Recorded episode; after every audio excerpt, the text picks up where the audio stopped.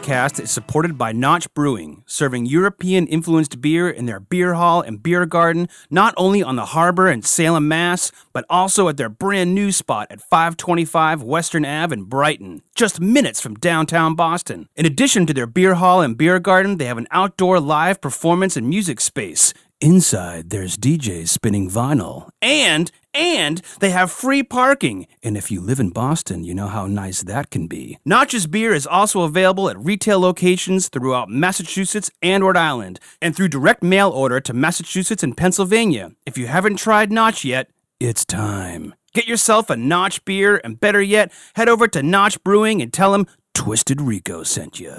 So it's the holiday season, and I don't know about you, but my family couldn't get through a holiday without some delicious holiday cookies, especially those Italian cookies.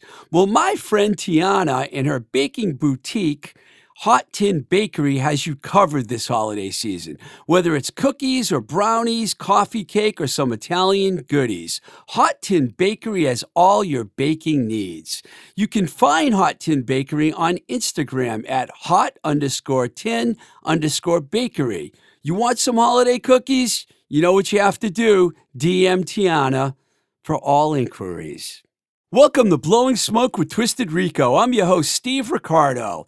This week, we have an interview with my friend Cam Acklin, who started playing in bands in the early 80s with a great garage rock band called the Prime Movers, who had some Boston success and did a little touring and released a cool EP on Throbbing Lobster Records called Masters of Time. I got also mentioned that the Prime Movers drummer was Dennis McCarthy, who I worked with for a while in the Ape Hangers. Great drummer. He was like the Keith Moon of Boston. And that whole band was really cool cool. I got to see them several times.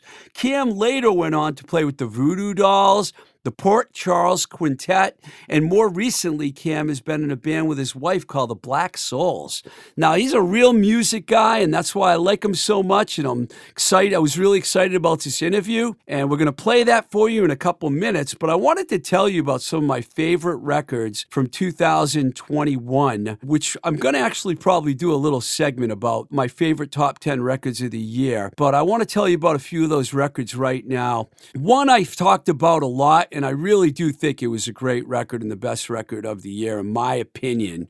Olivia Rodrigo Sour record, which is a good mix of ballads like Driver's License and upbeat pop punk tunes like Good for You, which was borrowed very heavily from the Paramore song Misery. It was borrowed so heavily that Rodrigo actually credited Hayley Williams and Josh Farro, both as co writers on the record, which I thought was a pretty cool thing to do. It's pretty amazing that an 18 year old would figure that out, but she must have a good lawyer behind her to help her realize that she could run into problems because that riff and that song is nearly identical to Misery. But that record as a whole, I think, is the one of the best records of the year. It was one of my favorites of the year. Another really cool record was by Faye Webster, who's from Atlanta, Georgia. It's her fourth album. It's on the secretly Canadian label. Really good songwriting, which always gets my attention. That's the main reason I like that record. Liquids put out a really cool record. They're a garage punk band from Indiana, and they had a record called Life is Pain Idiot. And, you know, I love that garage punk genre, so you know I would like that record. Here's one that might surprise you a little, especially if you know me. The band Low had a new record called Hey What on Sub Pop. Now, I've not really been a huge fan of that band over the years, but they've made 13 records. They're from Duluth, Minnesota, which is a I can't think of another band from Duluth, Minnesota. But Alan Sparhawk and Mimi Parker have been doing this for a long time and they're still persevering. And when I heard Hey What, I was like, wow, it's a really cool record. I really like that one a lot. Snail Mail had a record called Valentine. The singer, Lindsey Jordan, who's from Maryland, I can really understand why Matador signed Snail Mail because they also signed Liz Phair, and there are some similarities there. And I really like the record. It's very indie, cool indie pop record. I highly recommend it. This next record's right up my alley. Turnstile. The album's called Glow On. It's their third album. They're a Baltimore, Maryland punk band. This one's on Roadrunner. And the song Holiday on that record is one of my favorite songs of the year, and I really like it. What surprised me a little was it was recorded by Mike Elizondo, who's become a pretty famous producer over the years. He's worked with everyone from Gary Clark Jr. to Muse to the Jonas Brothers to Regina Spektor, and before that, Eminem and Snoop Dogg. He's got some serious versatility going on there, and he really showed it on this Turnstile record, which is one I highly recommend. Those are a few records that caught my attention from 2021, and I just wanted to mention those to you. Okay, before we play the interview with Cam, here's the track Where It's At, or some of you might remember Come to Where It's At, which it used to be called. This is the remake of it that was recorded in 2007 on the Back in Line record that the Prime Movers got back together to record. You're going to hear that track, and then you'll hear me talking to Cam Ackland.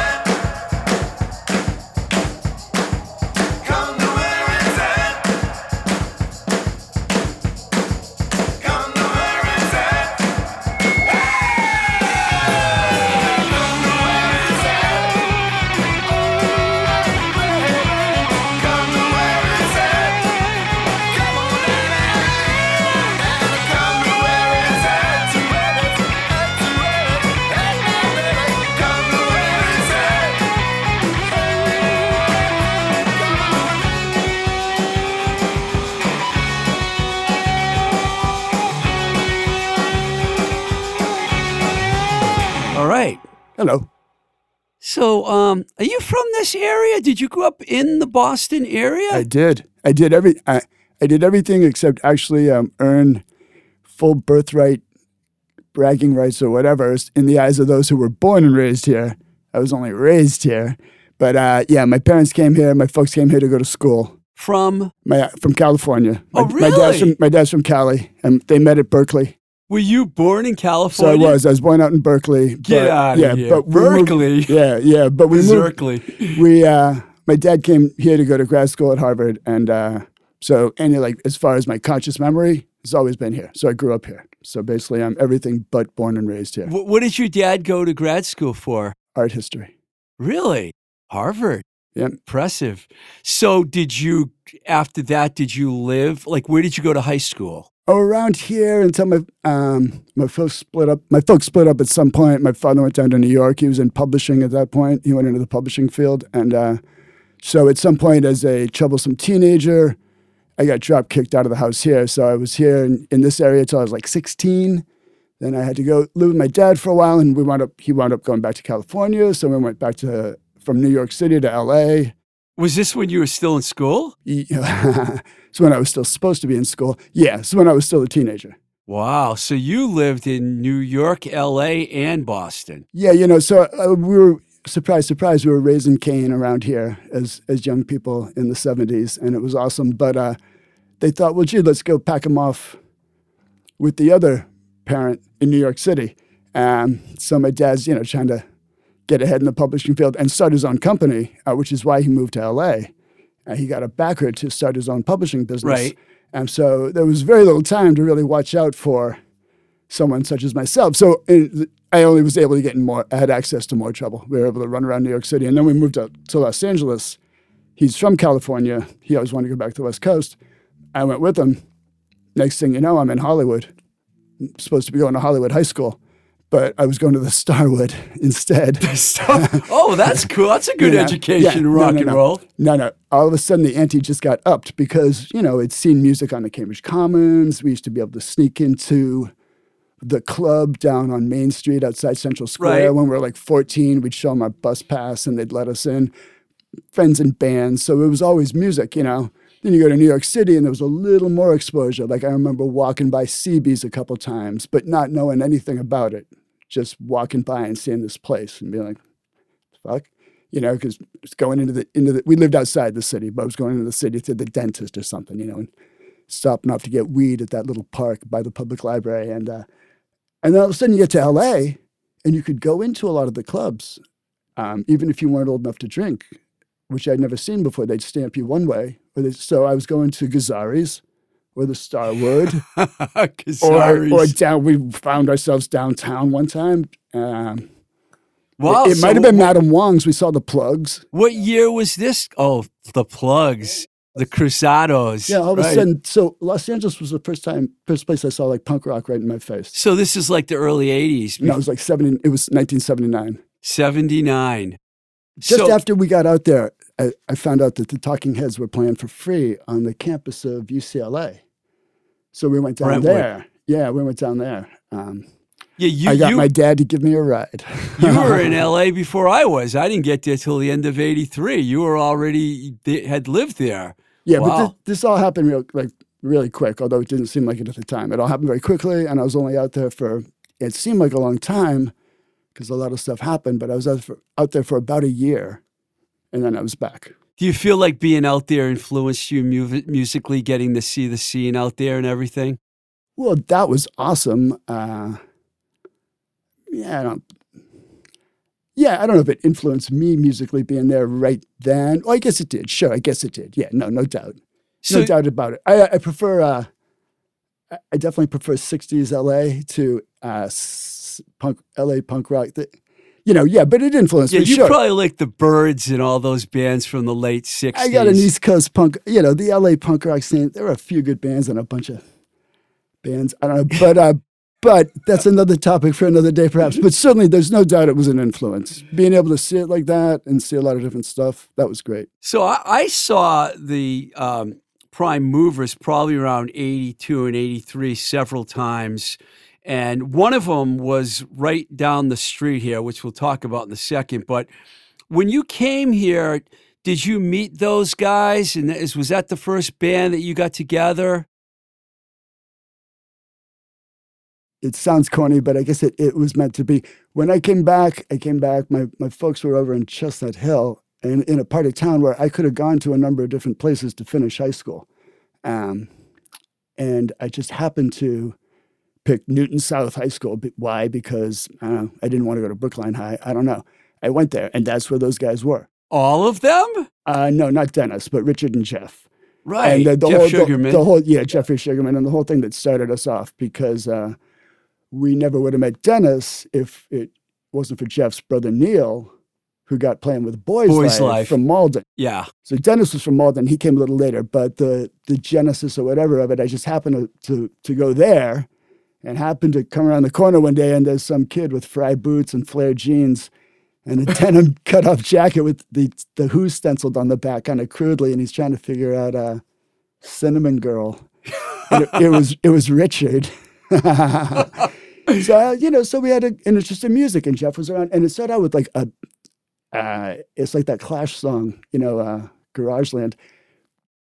Garage. There'd be like 20 kids, but it wasn't the garage, it was the basement. Same thing. There'd be like 20 kids down in the basement. There'd be like four kids who played drums. There'd be like six kids who were trying to learn to play guitar. There'd be a bunch of kids who were ready to sing. And everyone would just would just be bashing out one cover song after another. And it was actually Richard's older brother, Peter Hoy, who's a great guy, rest in peace. And he um, was a guitar player. And he was like eight years older. And he showed us all one three chord song after another. Uh, he used to play for bikers. He used to tell us these stories about playing biker parties.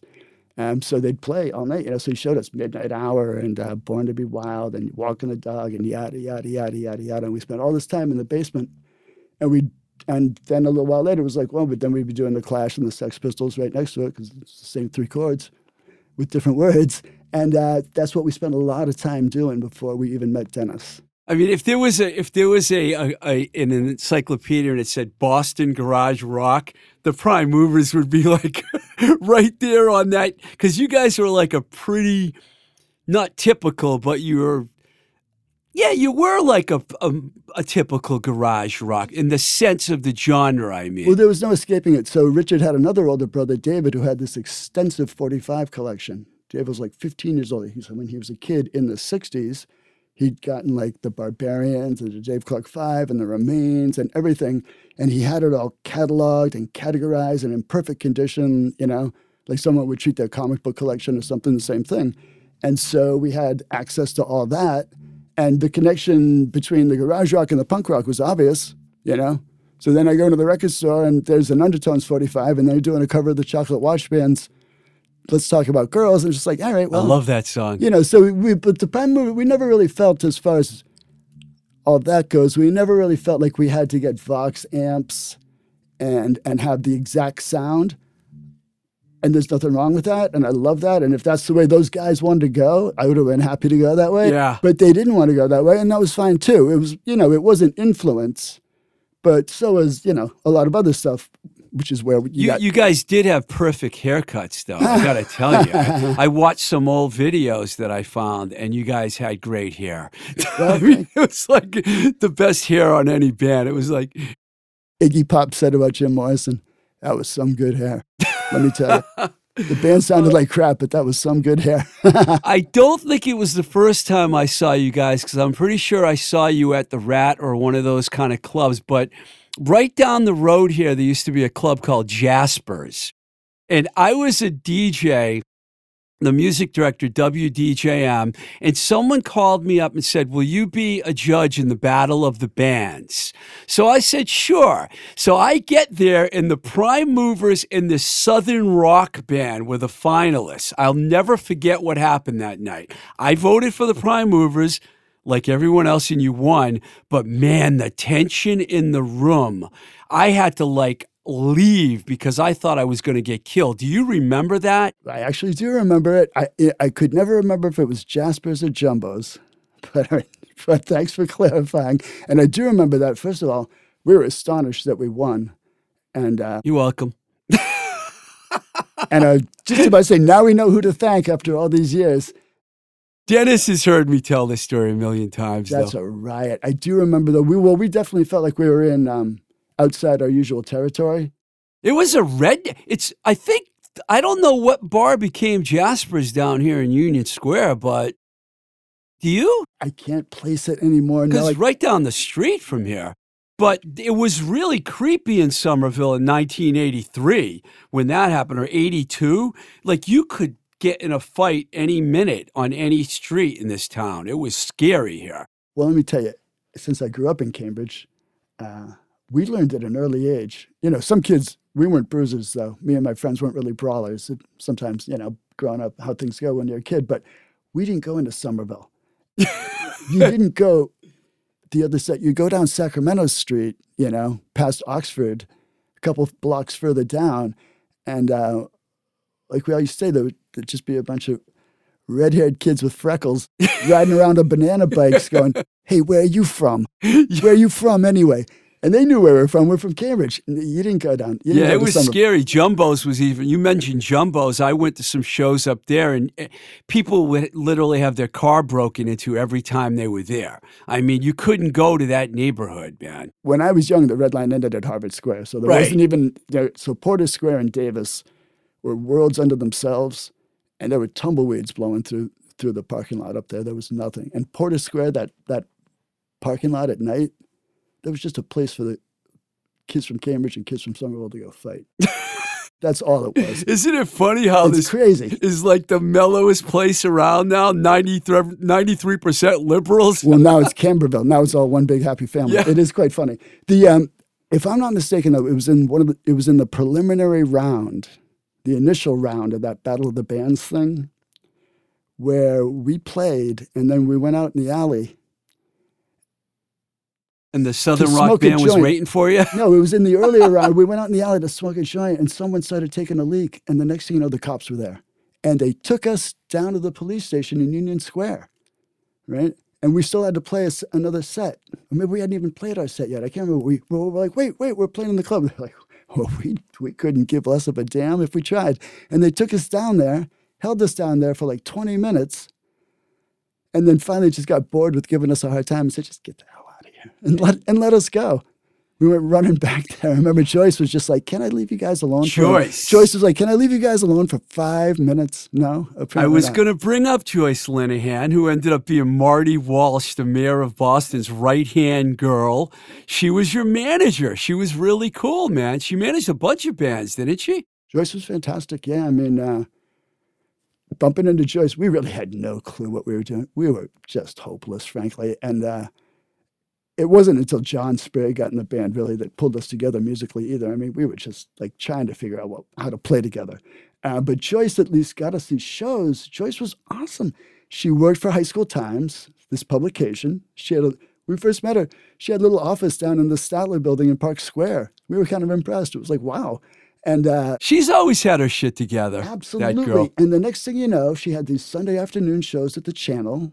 It'd be like six or eight bands, as I remember. But, you know, the drinking age was 18 too. So the whole thing was kind of freewheeling. Um, uh, but the channel would be packed on a all ages Sunday afternoon. It would be full of kids, full of young ki- people, you know. And uh, you had that big stage and that big room. And we were just starting out. And, and you had a dressing room. And you're just like, right away, you thought, like, wow, I guess this is it. Like we did it, you know. like it was just that easy, huh? Because but it was great, and it was a great place to. Uh, you could really hear yourself. You had room to move around, you know, and you could really kind of work it out. And then it was also everyone was really enthusiastic and um, supportive in a way. Although at the same time very competitive and not not not all that supportive, but everybody was there and was excited to be there, and it was great. It was a great intro instead of kind of just having a after slogging it out in the basement and this and that. Yeah. You know, and doing all kinds of shows. Those all ages shows were great. And then when Joyce offered to manage us, psst, that was great. That was the best.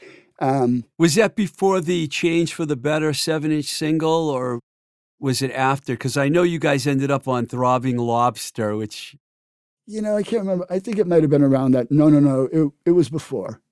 So she was there before you guys put a record out. Yeah, because she steered us to, uh, because Eric Stumpo, uh, rest in peace, from Plan 9, produced the Oh, 125 yeah. side. Right. And we only met Eric through Joyce and her her machinations through the bookings and stuff that she got. So you know, Joyce really hooked us up. Gosh, God knows what would have, how far we would have gotten before we just threw our hands up or something if Joyce hadn't come along. She was a godsend, and um, she went on obviously to be hugely successful Yeah. and help any number of bands, um, including the Lemonheads, yada yada yada. So she only had success there, and uh, then First Night, and then Marty, and then working with Marty. Uh, Marty Walsh might end up being the governor of Massachusetts, so she's probably going to be in the in the state house next.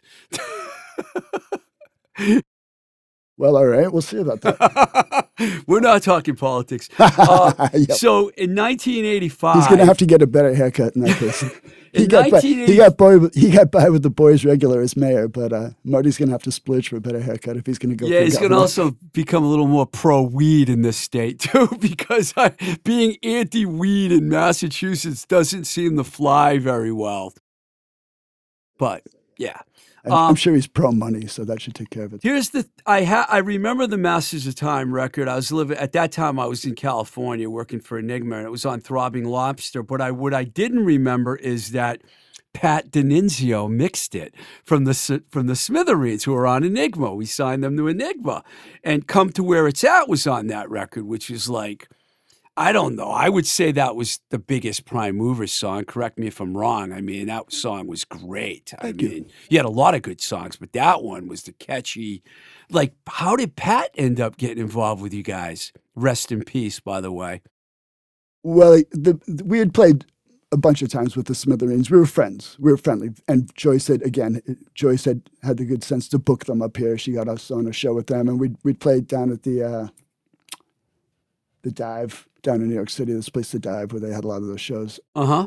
So we had a relationship with those guys. They were awesome, such a good band, and uh, but it was kind of funny with that whole that whole situation there. Um, we did an initial mix of the record with our friend Scott Konzelman, who was a um, audio uh, engineering student. He was going to Berklee for uh, engineering, sound engineering, recording and such. So um, he did sound for us sometimes. Anyway, he recorded and mixed the record.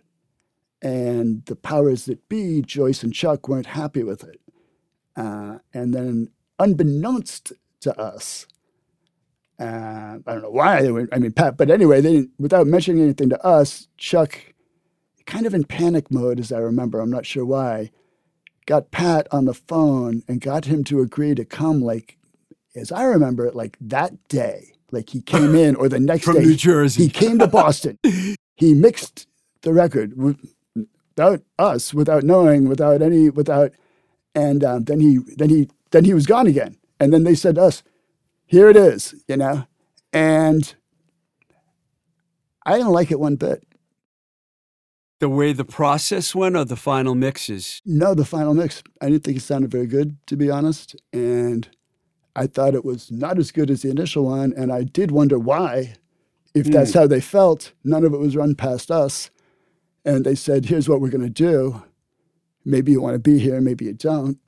I, I didn't need to sit around the studio if, if Pat was going to be there. I'd assume it was going to be great. Um, and we were all kind of thought that it could have sounded a lot better. And there was a lot of finger pointing all the way around after it came out, and nobody really seemed happy. They didn't seem happy, so it was like, well, then would, why'd you mess with it? Why did you mess with it only to still not be happy? Um, I wasn't happy with it, but the whole thing had been kind of an arduous task. Chuck signed us up just as the label was starting out, and Joyce talked him into it after having those compilation cuts. And, Nobody and they gets did on well. the Like, guest Yeah, and yeah. True to Me did really well, and Matter on the radio and, and Matter of Time on one of the other ones did pretty well, um, and really jumped helped us. Like Matter of Time was the first one on that first comp, and we got a lot of airplay off that, and all of a sudden we were able to get much better shows. So that really jump started us, and it was great. No no complaints, no nothing. Um, and True to Me only continued that. And it was on. I didn't we did that video.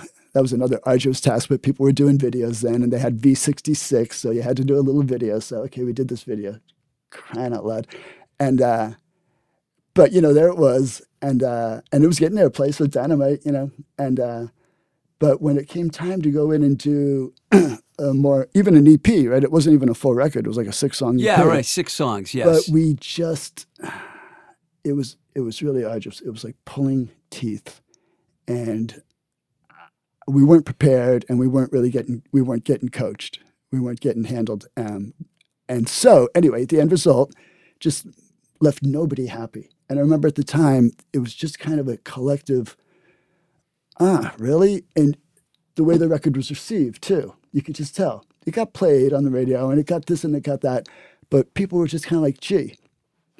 The the general response was, gee, I really thought it was going to be better. That happened you know? with a lot of bands around that time because I was working with the outlets and that record, you know, wasn't same problem, you know. When I heard the record, I was like, what the heck happened, you know? Okay, so you know what? Now that you said it, I'll, I'll agree with you. Uh, the one thing I could say to myself was, you know, except for the Lyres, and I might be forgetting some parents, like nobody's nobody's getting it on record. We weren't the only one. Because they were all great live bands. You're so right. That's one thing about the Boston scene from like 82 to like 86, 87. There were so many great bands, and they were all great live bands, you know?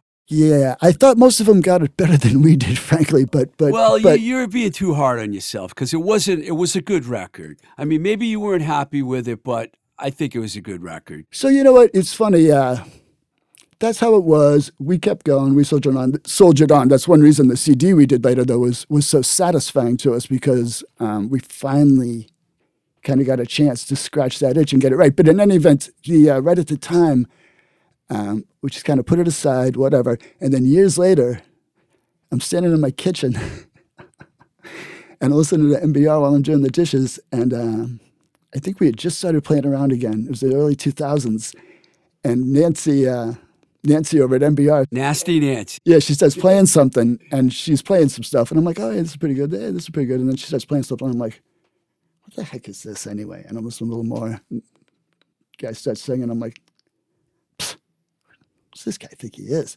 And I'm like, oh wait, that's one of the tracks off the Prime Movers EP. I was listening to myself.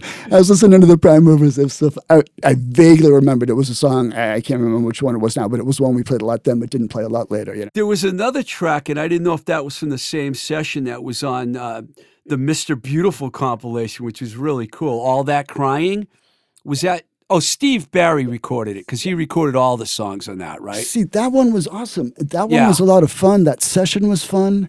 And we still didn't necessarily really know what we were doing, but I still remember that Steve was great in the studio with us and we needed we needed some guidance. We When you look at that lineup of bands now, you're like, how did the FUs, Gangrene, the Blackjacks, the Freeze, the Oysters, and the Prime Movers all end up on the same compilation? He didn't really seem to care what the genre was, man. that was part of the beauty of it. Steve didn't give a damn. I mean, look at the cover art. Yeah, he had a picture of himself flexing his muscles. I remember that record, man. That was really cool. No, that was that was kind of the opposite uh, experience and and end result as far as recording because it's not like it's like the greatest track ever since sliced bread, but that's a good, solid recording that's like a good representation of the band, you know, um, and not one where you go, but why why do the drums sound like her? But why do the why did they let you know? With the other one, like I swear we they were reference vocals. They were telling me, oh, that's just a reference vocal, and I swear that's the ones that that wound up getting used. Oh, that must have really pissed you off, man. See, I didn't know that. See, most people don't hear about everything that's going on behind the scenes, you know? Well, I, I could be wrong, honestly, too. But that that was my feeling. That it's just kind of the general nature of, of how the thing was. It was Before we get to the fact that you did reunite and, and you did record another record, you spent a lot of a, a few years with the Voodoo Dolls. I never got to see the Voodoo Dolls, but uh, Stanton Park uh, put those records out. You know, Evan was in the band from Muck and the Mires, and uh, David Harrison, and who else was in the Voodoo Dolls? rotating cast of uh, drummers and bass You guys were the three drummers and bass players. Yeah, yeah. yeah. We, we had the change the ever changing rhythm section in the Yeah, Voodoo Dolls. but you guys got really popular in Boston. Yeah, well, we had a handful of, we actually had a handful of rhythm sections and uh, a couple of really terrific, we were lucky to have a couple of really terrific drummers, just one after the other. Um, and so JR from, from uh, Sam Black Church. He played with the Voodoo Dolls? Yeah. I didn't know that. Wow. I knew Evan from the Pets, from being in the Prime Movers. You know, Yeah. Prime Movers broke up, the Slaves started up. The slaves, I forgot about the slaves. Yeah, the slaves started up right out of the out of the Prime Movers breaking up, but then I was kind of kicking around for a little bit with with John, the keyboard player from the Prime Movers, and Evan approached me. Oh, um, his the pets must have been winding down or whatever he had going on, but he had an obligation to play up in Portland, and he's like, "Oh, come up, you know, we'll just mess around and this and that," and that's what we did, and it wound up bada bada bada. I said, I said, I got my friend Dave. He plays guitar, so he had a friend named John. Um, this young man that played in the Anti Zeros. I don't know if you remember that band. Yeah. Anyway, a local band called the Anti Zeros. So we started out, that was, and his friend Mark, Evan's friend Mark Gilmore from the Pets. So that was the Voodoo Dolls. And it all just kind of came together real easy because we weren't really planning on anything initially. And uh, they were nice guys. And he had this handful, it was real easy. He had this handful of songs. He had some guys, so sure, let's play, you know. Dave had a, a little space down under Duplicopy on Harvard Ave. We all lived in Allston. Boom, boom, boom. Um, and the next thing you know, we were, and it, again, too, it was a little rough at the beginning. It took a little time. Uh, you know, there was some some questions like, is this going to be really, you know, is this going to fly? And then all of a sudden it did. And then, uh, You did a few records. well, then Jim, then John had to go. He John was done with school and he was he was moving on. But we met Jim Delios, Oh yeah, yeah, right. and Jim was playing with the El Caminos. But Jim was a terrific drummer, and um, we had made a 45 with John though, and and Aaron put it out on Stanton Park, and it, you know, it. As opposed to the, the times that I'd been recording before, it, was always kind of a real task. It was really fun. It was just really easy. It was fun, and boom, boom, boom. Everything was just kind of going. So we made this little 45, this 45, and it sounded great. Um, yeah, you and Evan together, I can imagine that's a pretty cool combo. You guys hanging out together. it was it was really great, and everyone was enthusiastic. And so then we did another one. We did Bad Feeling with Jim, and they're playing them on the radio. And some guys from New York called us up. Do you want to? Uh, friend of JJ Rassler's got in touch with us. Said, "Do you want to come down and play this place I have called the Strip?" So we got hooked up with this. Um, because it was going fine up here, but we got hooked up with this whole little scene down there of bands like um, the Original Sins from Pennsylvania and the Frigs from New, from Philadelphia and the Devil Dog from New York, and they were all these kind of like-minded bands, kind of really like kind of low-rent punky garage, Yeah. you know. And they and that place, the Continental, down at Third yeah, oh, yeah, St. I've Mark's, been there many times. that's where it was all going on. And that's that's where we'd almost always play. And and this place called the Strip, that was kind of a floating club that would Right. have different locations, and and it was great. Oh, this band DeWillies, um, oh yeah, Lynn yeah. Vaughn, and Yeah. uh, and this whole crew of them. So, boom, we started going down there. We started playing down there more than we were playing up here. We'd go down to New York sometimes twice a month, and we'd hook up a show with Phil- in Philadelphia or Baltimore or something. And um, it was great and it was fun, but we couldn't really get it past that point, you know. And then, um, you know, aspirations started to get a little more serious. We started trying to hook up with a record deal. We got some management people, then we got some other management people, then some dude down in New York who was pushing, pushing, pushing for a little while. Um, but we Voodoo Dolls could never really prime movers toured pretty much all over. We didn't quite get to the West Coast, but we went way down south. We went way out west. Yeah, you guys toured a lot more. Yeah. Voodoo Dolls couldn't quite get out of that like little regional northeast pocket we were in. Uh, but we played buku shows and actually just kind of played ourselves into the ground. we just wound up playing so much we kind of wore out our welcome. You actually went back. The Prime Movers actually released a single after the Voodoo Dolls, the Under Your Spell single in '95. So, did you try and get the band back together, or was that just a recording thing? You know, uh, Richard called me up. He'd been, you know, the slaves had been had come and gone, and then he'd been doing some other stuff. The Voodoo Dolls had run their course. I guess he decided he'd gone through his musical Rolodex and decided it was time to try me again. Dennis wasn't involved on that single, though, was he? Dennis was out in Los Angeles. Yeah, with the A Pang. and the first thing I was like, Damn, we can't. He called me up. Hey, let's do some prime movers. I said, well, there's no Dennis, so what are you talking about? But you know, oh, I know this one, I know that one. And actually, uh, this young man, John Michael Kosowski, um, that he knew through our friend George McLean, was a, a, a really good drummer, and uh, and he did a pretty good Dennis impersonation, and uh, Oh, um, on the drums, and. Uh, and because no one could impersonate, actually impersonate Dennis, but he did a No. pretty good Dennis. He, he he was a very capable drummer, a like-minded drummer. So we did some shows. We did that 45. Um, actually, if I could ever get off my ass to convert it to MP3, or we could play cassettes, I have. Yeah. I couldn't find any MP3s. You guys Nah, anywhere, nah, I'm a little, I'm a uh, yeah, bit of a troglodyte, but but there there is a recording of us playing on Pipeline. I mean on uh, NBR on the the live music show that they have on NBR Pipeline Yeah, it is pipeline. with John yeah. Michael, and Yeah. um, and it's really it's really pretty good. Jeff and John are, are really good together. Um, so the band sounded good right then, but it wasn't with Dennis, and it kind of quickly ran its course. Um, We got to talk about Dennis for a minute because you know I got to hang out with him. You know we worked together in the Ape Hangers because I worked at A and M, they were in A and M, and then when they moved back here, I was here and I helped them. Uh, but we the last few times I saw him was in Pittsburgh when I was living there, and it was always at record shows because he was always showing up. When he was in his prime and he was playing around town, there was really no drummer that could really come close to him in terms of like his. He was like Keith Moon. He was like the Boston Keith Moon. I mean, it must have been a thrill having that guy around all the time.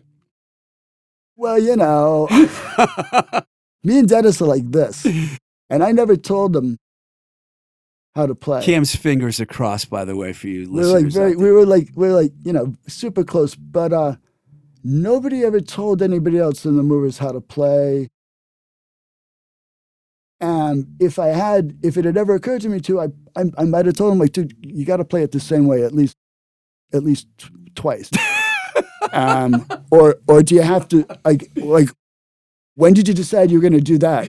Uh, there was an element to that, and I think if you asked anybody who played with Keith Moon, they might say the same thing. He was fun to watch, though. no, no, man. no doubt, and he Yeah. knew it. He knew it. Well, so what are you going to say to him? You know, Yeah, I right. mean, he was like flailing and no, what am I going to say? his style. I will tell you this: when we were in the studio with Eric Stumpo, um, doing that one two five thing, Joyce told me later that at one point he turned to her, you know, with the little button off there, so he, we couldn't hear what they're saying to each other, you know, confirming all my suspicions that they're discussing our character flaws at all times. Yeah, apparently he's like, "What do you want me to do here? I got a, a singer who doesn't even know how he wants to sing the song. I got a guitar player who's an a hole." I got a drummer who plays I'm it. glad you said that and I didn't. I got a drummer. Well, this is this was this. I got a drummer who plays it different every time. The only one in there that knows what they're doing is that bass player.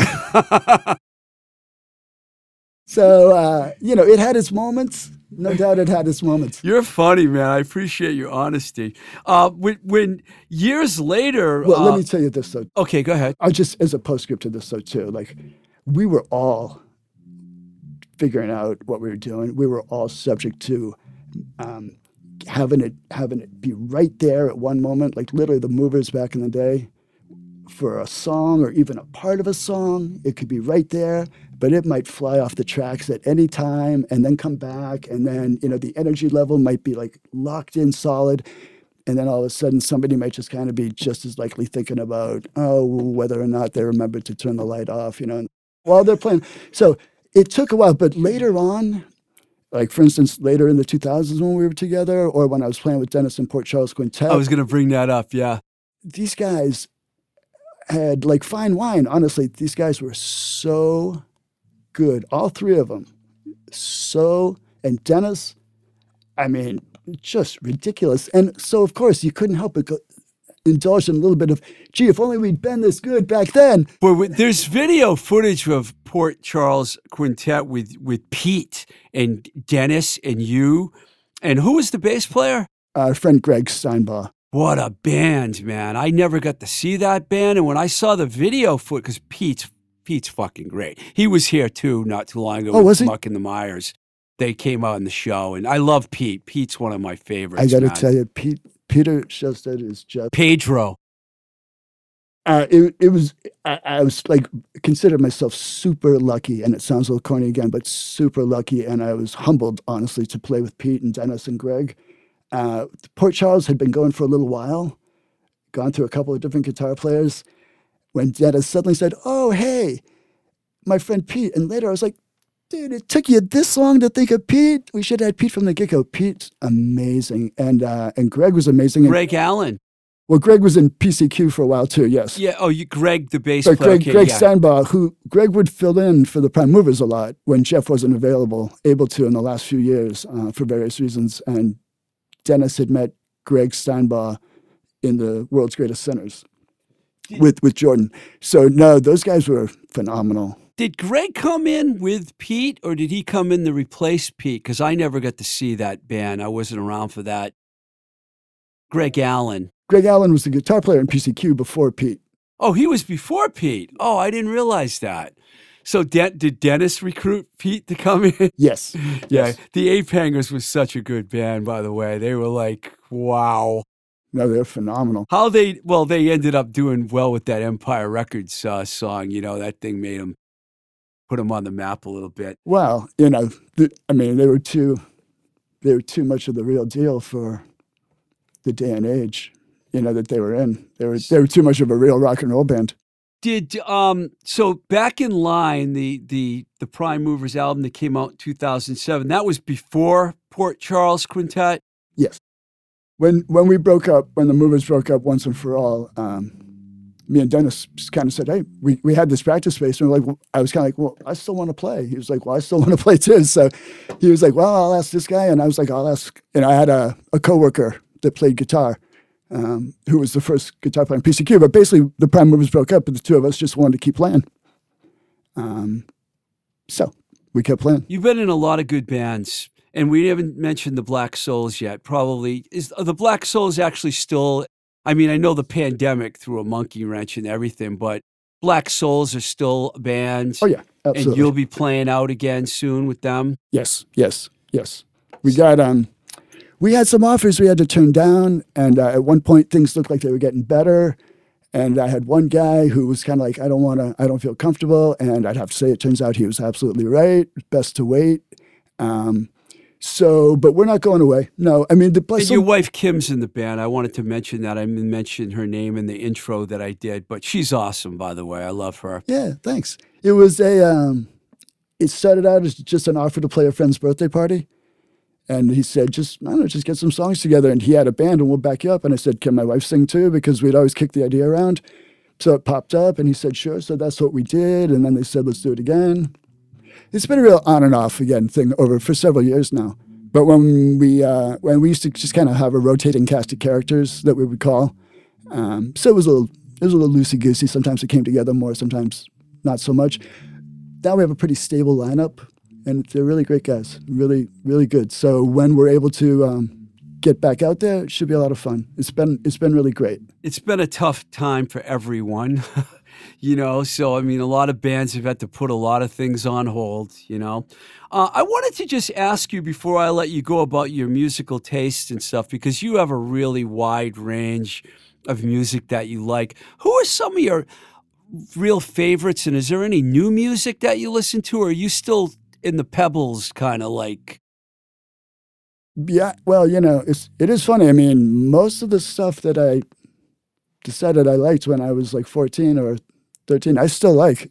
And I still think it's better than the stuff that other people back then were telling me, no, no, that's crap. You should listen to this. Um, I still don't like Jefferson Starship. I still like J. Geils Band. you know, I still don't like Dave Mason. I still like Brownsville Station's Kings of the Party record. I like how you're telling us who you damn. don't like. No, I don't. And uh, but so I still like all that stuff. And Like, who's your favorite? Like, I'll tell you, I'm I- going to say Sir, Sir Douglas Quintet or somebody like that, you know, the animals. one thing I can't do, I can't quantify or qualify like that. You know, all those like, oh, what song would you take to the desert island with you, or who's the, you know, I, I can never, I couldn't tell you one song. Get out of here. I don't know. I mean, I'll tell you today, but you listen to vinyl, though, I it's bet. going to be a different song tomorrow. You know, you, you got a record player and you listen to vinyl, right? Yeah, I knew that. I have tons of vinyl. I also have tons of CDs and cassettes. Um, I mean, what I really like is rock and rock and roll as opposed to rock. I've come to realize over the years, I really need that roll. I remember a moment we shared together when we were standing there together at Once Ballroom and we were watching Steve Aquino in The Lyres, because I love Steve and I know you did. And he is like, he's got that style you really love, doesn't he? Margaret Garrett was with us too, standing there, and everyone's like watching Steve. We've seen Conolly enough. Let's watch Steve for a while, you know? Steve's the it's like the master cylinder. Well, Rick, I guess Rick Coraccio was the bass player, but yeah, no, he's the unsung hero. The uh, guys like Steve, though, you know, they uh, they just got it. It's a little New Orleansy almost. It's almost like the New Orleans guys. Like they, he's just got it.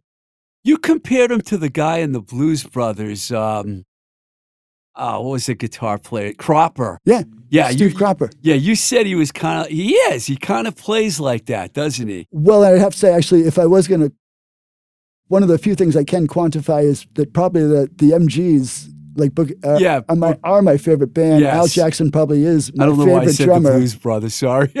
you know, Duck Dunn probably is my favorite bass player, although it's really hard for me to, you know. Uh, but guys like that, that's still my favorite thing. Really, is like that kind of R and B, Yeah. and um, and like the rock and roll thing too. That's where the roll is, right? That's the R and B influence. That's the blues or the the, the R and B kind of aspect of it. If you don't have that roll, um, you just just kind of got rock, you know, and and that's fine. But a band like Aerosmith, for instance, is a good example. Those first couple of Aerosmith records, they're they're hard rock, Yeah. you know, because I, I generally don't really like hard rock, you know, but uh, that's a good example of an exception to the rule because there's such an R and B component in there. Um, Yeah, Get Your Wings is my favorite Aerosmith album, and the first album is my second favorite Aerosmith album. Yeah, yeah, and there's any number of examples and different people like different. But I guess what as the time goes by, like you find that it's, it's not even so much bands; it's songs. You know, every band has. All my favorite bands have some crappy songs, I guess, and and most of my least favorite bands they probably have one good song. You know, so over the years, as you go by, it's really songs that stand up more than bands in a way Yeah. you know and um and i just personally like i said i like that role. I need that backbeat. You know even the ramones you might not think it right? That's rock and roll. That's not rock like especially not r-a-w-k whatever you want to say. That's rock and roll. They got that backbeat. So uh, we've been i've been going out lately. I just saw a band the other night um over at sally's and they just had the damnedest rhythm section. The guy was like the guy played kind of like ringo meets levon helm from the band and they were they were a bar band. They're doing all kinds of songs. Some of them cheesy songs, yes, but there was something really great about them. They could just really play. Um, uh, so it, it's just a pleasant surprise as you go by. I like to go, we like to go out to, to some different places now and um, and get out of the usual mold. I'm really looking forward to the Cantab reopening. Yeah. Our buddy Mickey Bliss. Yeah, yeah. So um, you know, that's just as as time goes on, you know, and and you um you keep playing and you just figure out certain things. I like to really work at my harmonica playing now, where I used to just kind of, yeah, I got the harmonica, I'll whip it out, you know, this and that. It was it was there over the you know for for years now, but it's something I really like to pursue and try to get really good at. Um, and uh, it's something that the Black Souls gives me a chance to do. So anyway, Well, you know, it was good. Speaking of good, it was good that you came down, man. I've, I know I've, I've talked to you about this for a while, and I'm glad we got to do it. and so, me too. thanks. Overdue, yeah. Yeah, thanks a lot, man. Thanks good for having me. Thanks for having me. Okay, that was a lot of fun talking to Cam. I really like Cam. He's he's just a great guy to talk to. He knows a lot about music. We barely got into how much Cam knows about music. He's like a real aficionado. All right, if you love this show, and I know you do, if you made it this far, please don't hesitate to become a supporter at patreon.com forward slash twisted rico, where you can hear exclusive bonus episodes and see some great photos and other cool stuff. And if you feel like you want to write me, you can write me anytime at twistedrico at gmail.com. And maybe I'll even bring up your emails and talk about them on the show. We also have an Instagram page at Blowing Smoke with TR, a Twitter page at Blowing Smoke BS.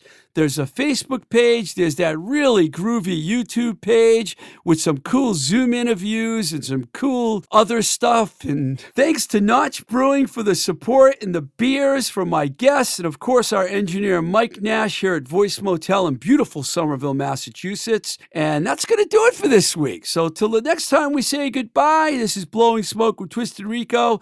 I'm your host, Steve Ricardo. Keep the rock and roll alive.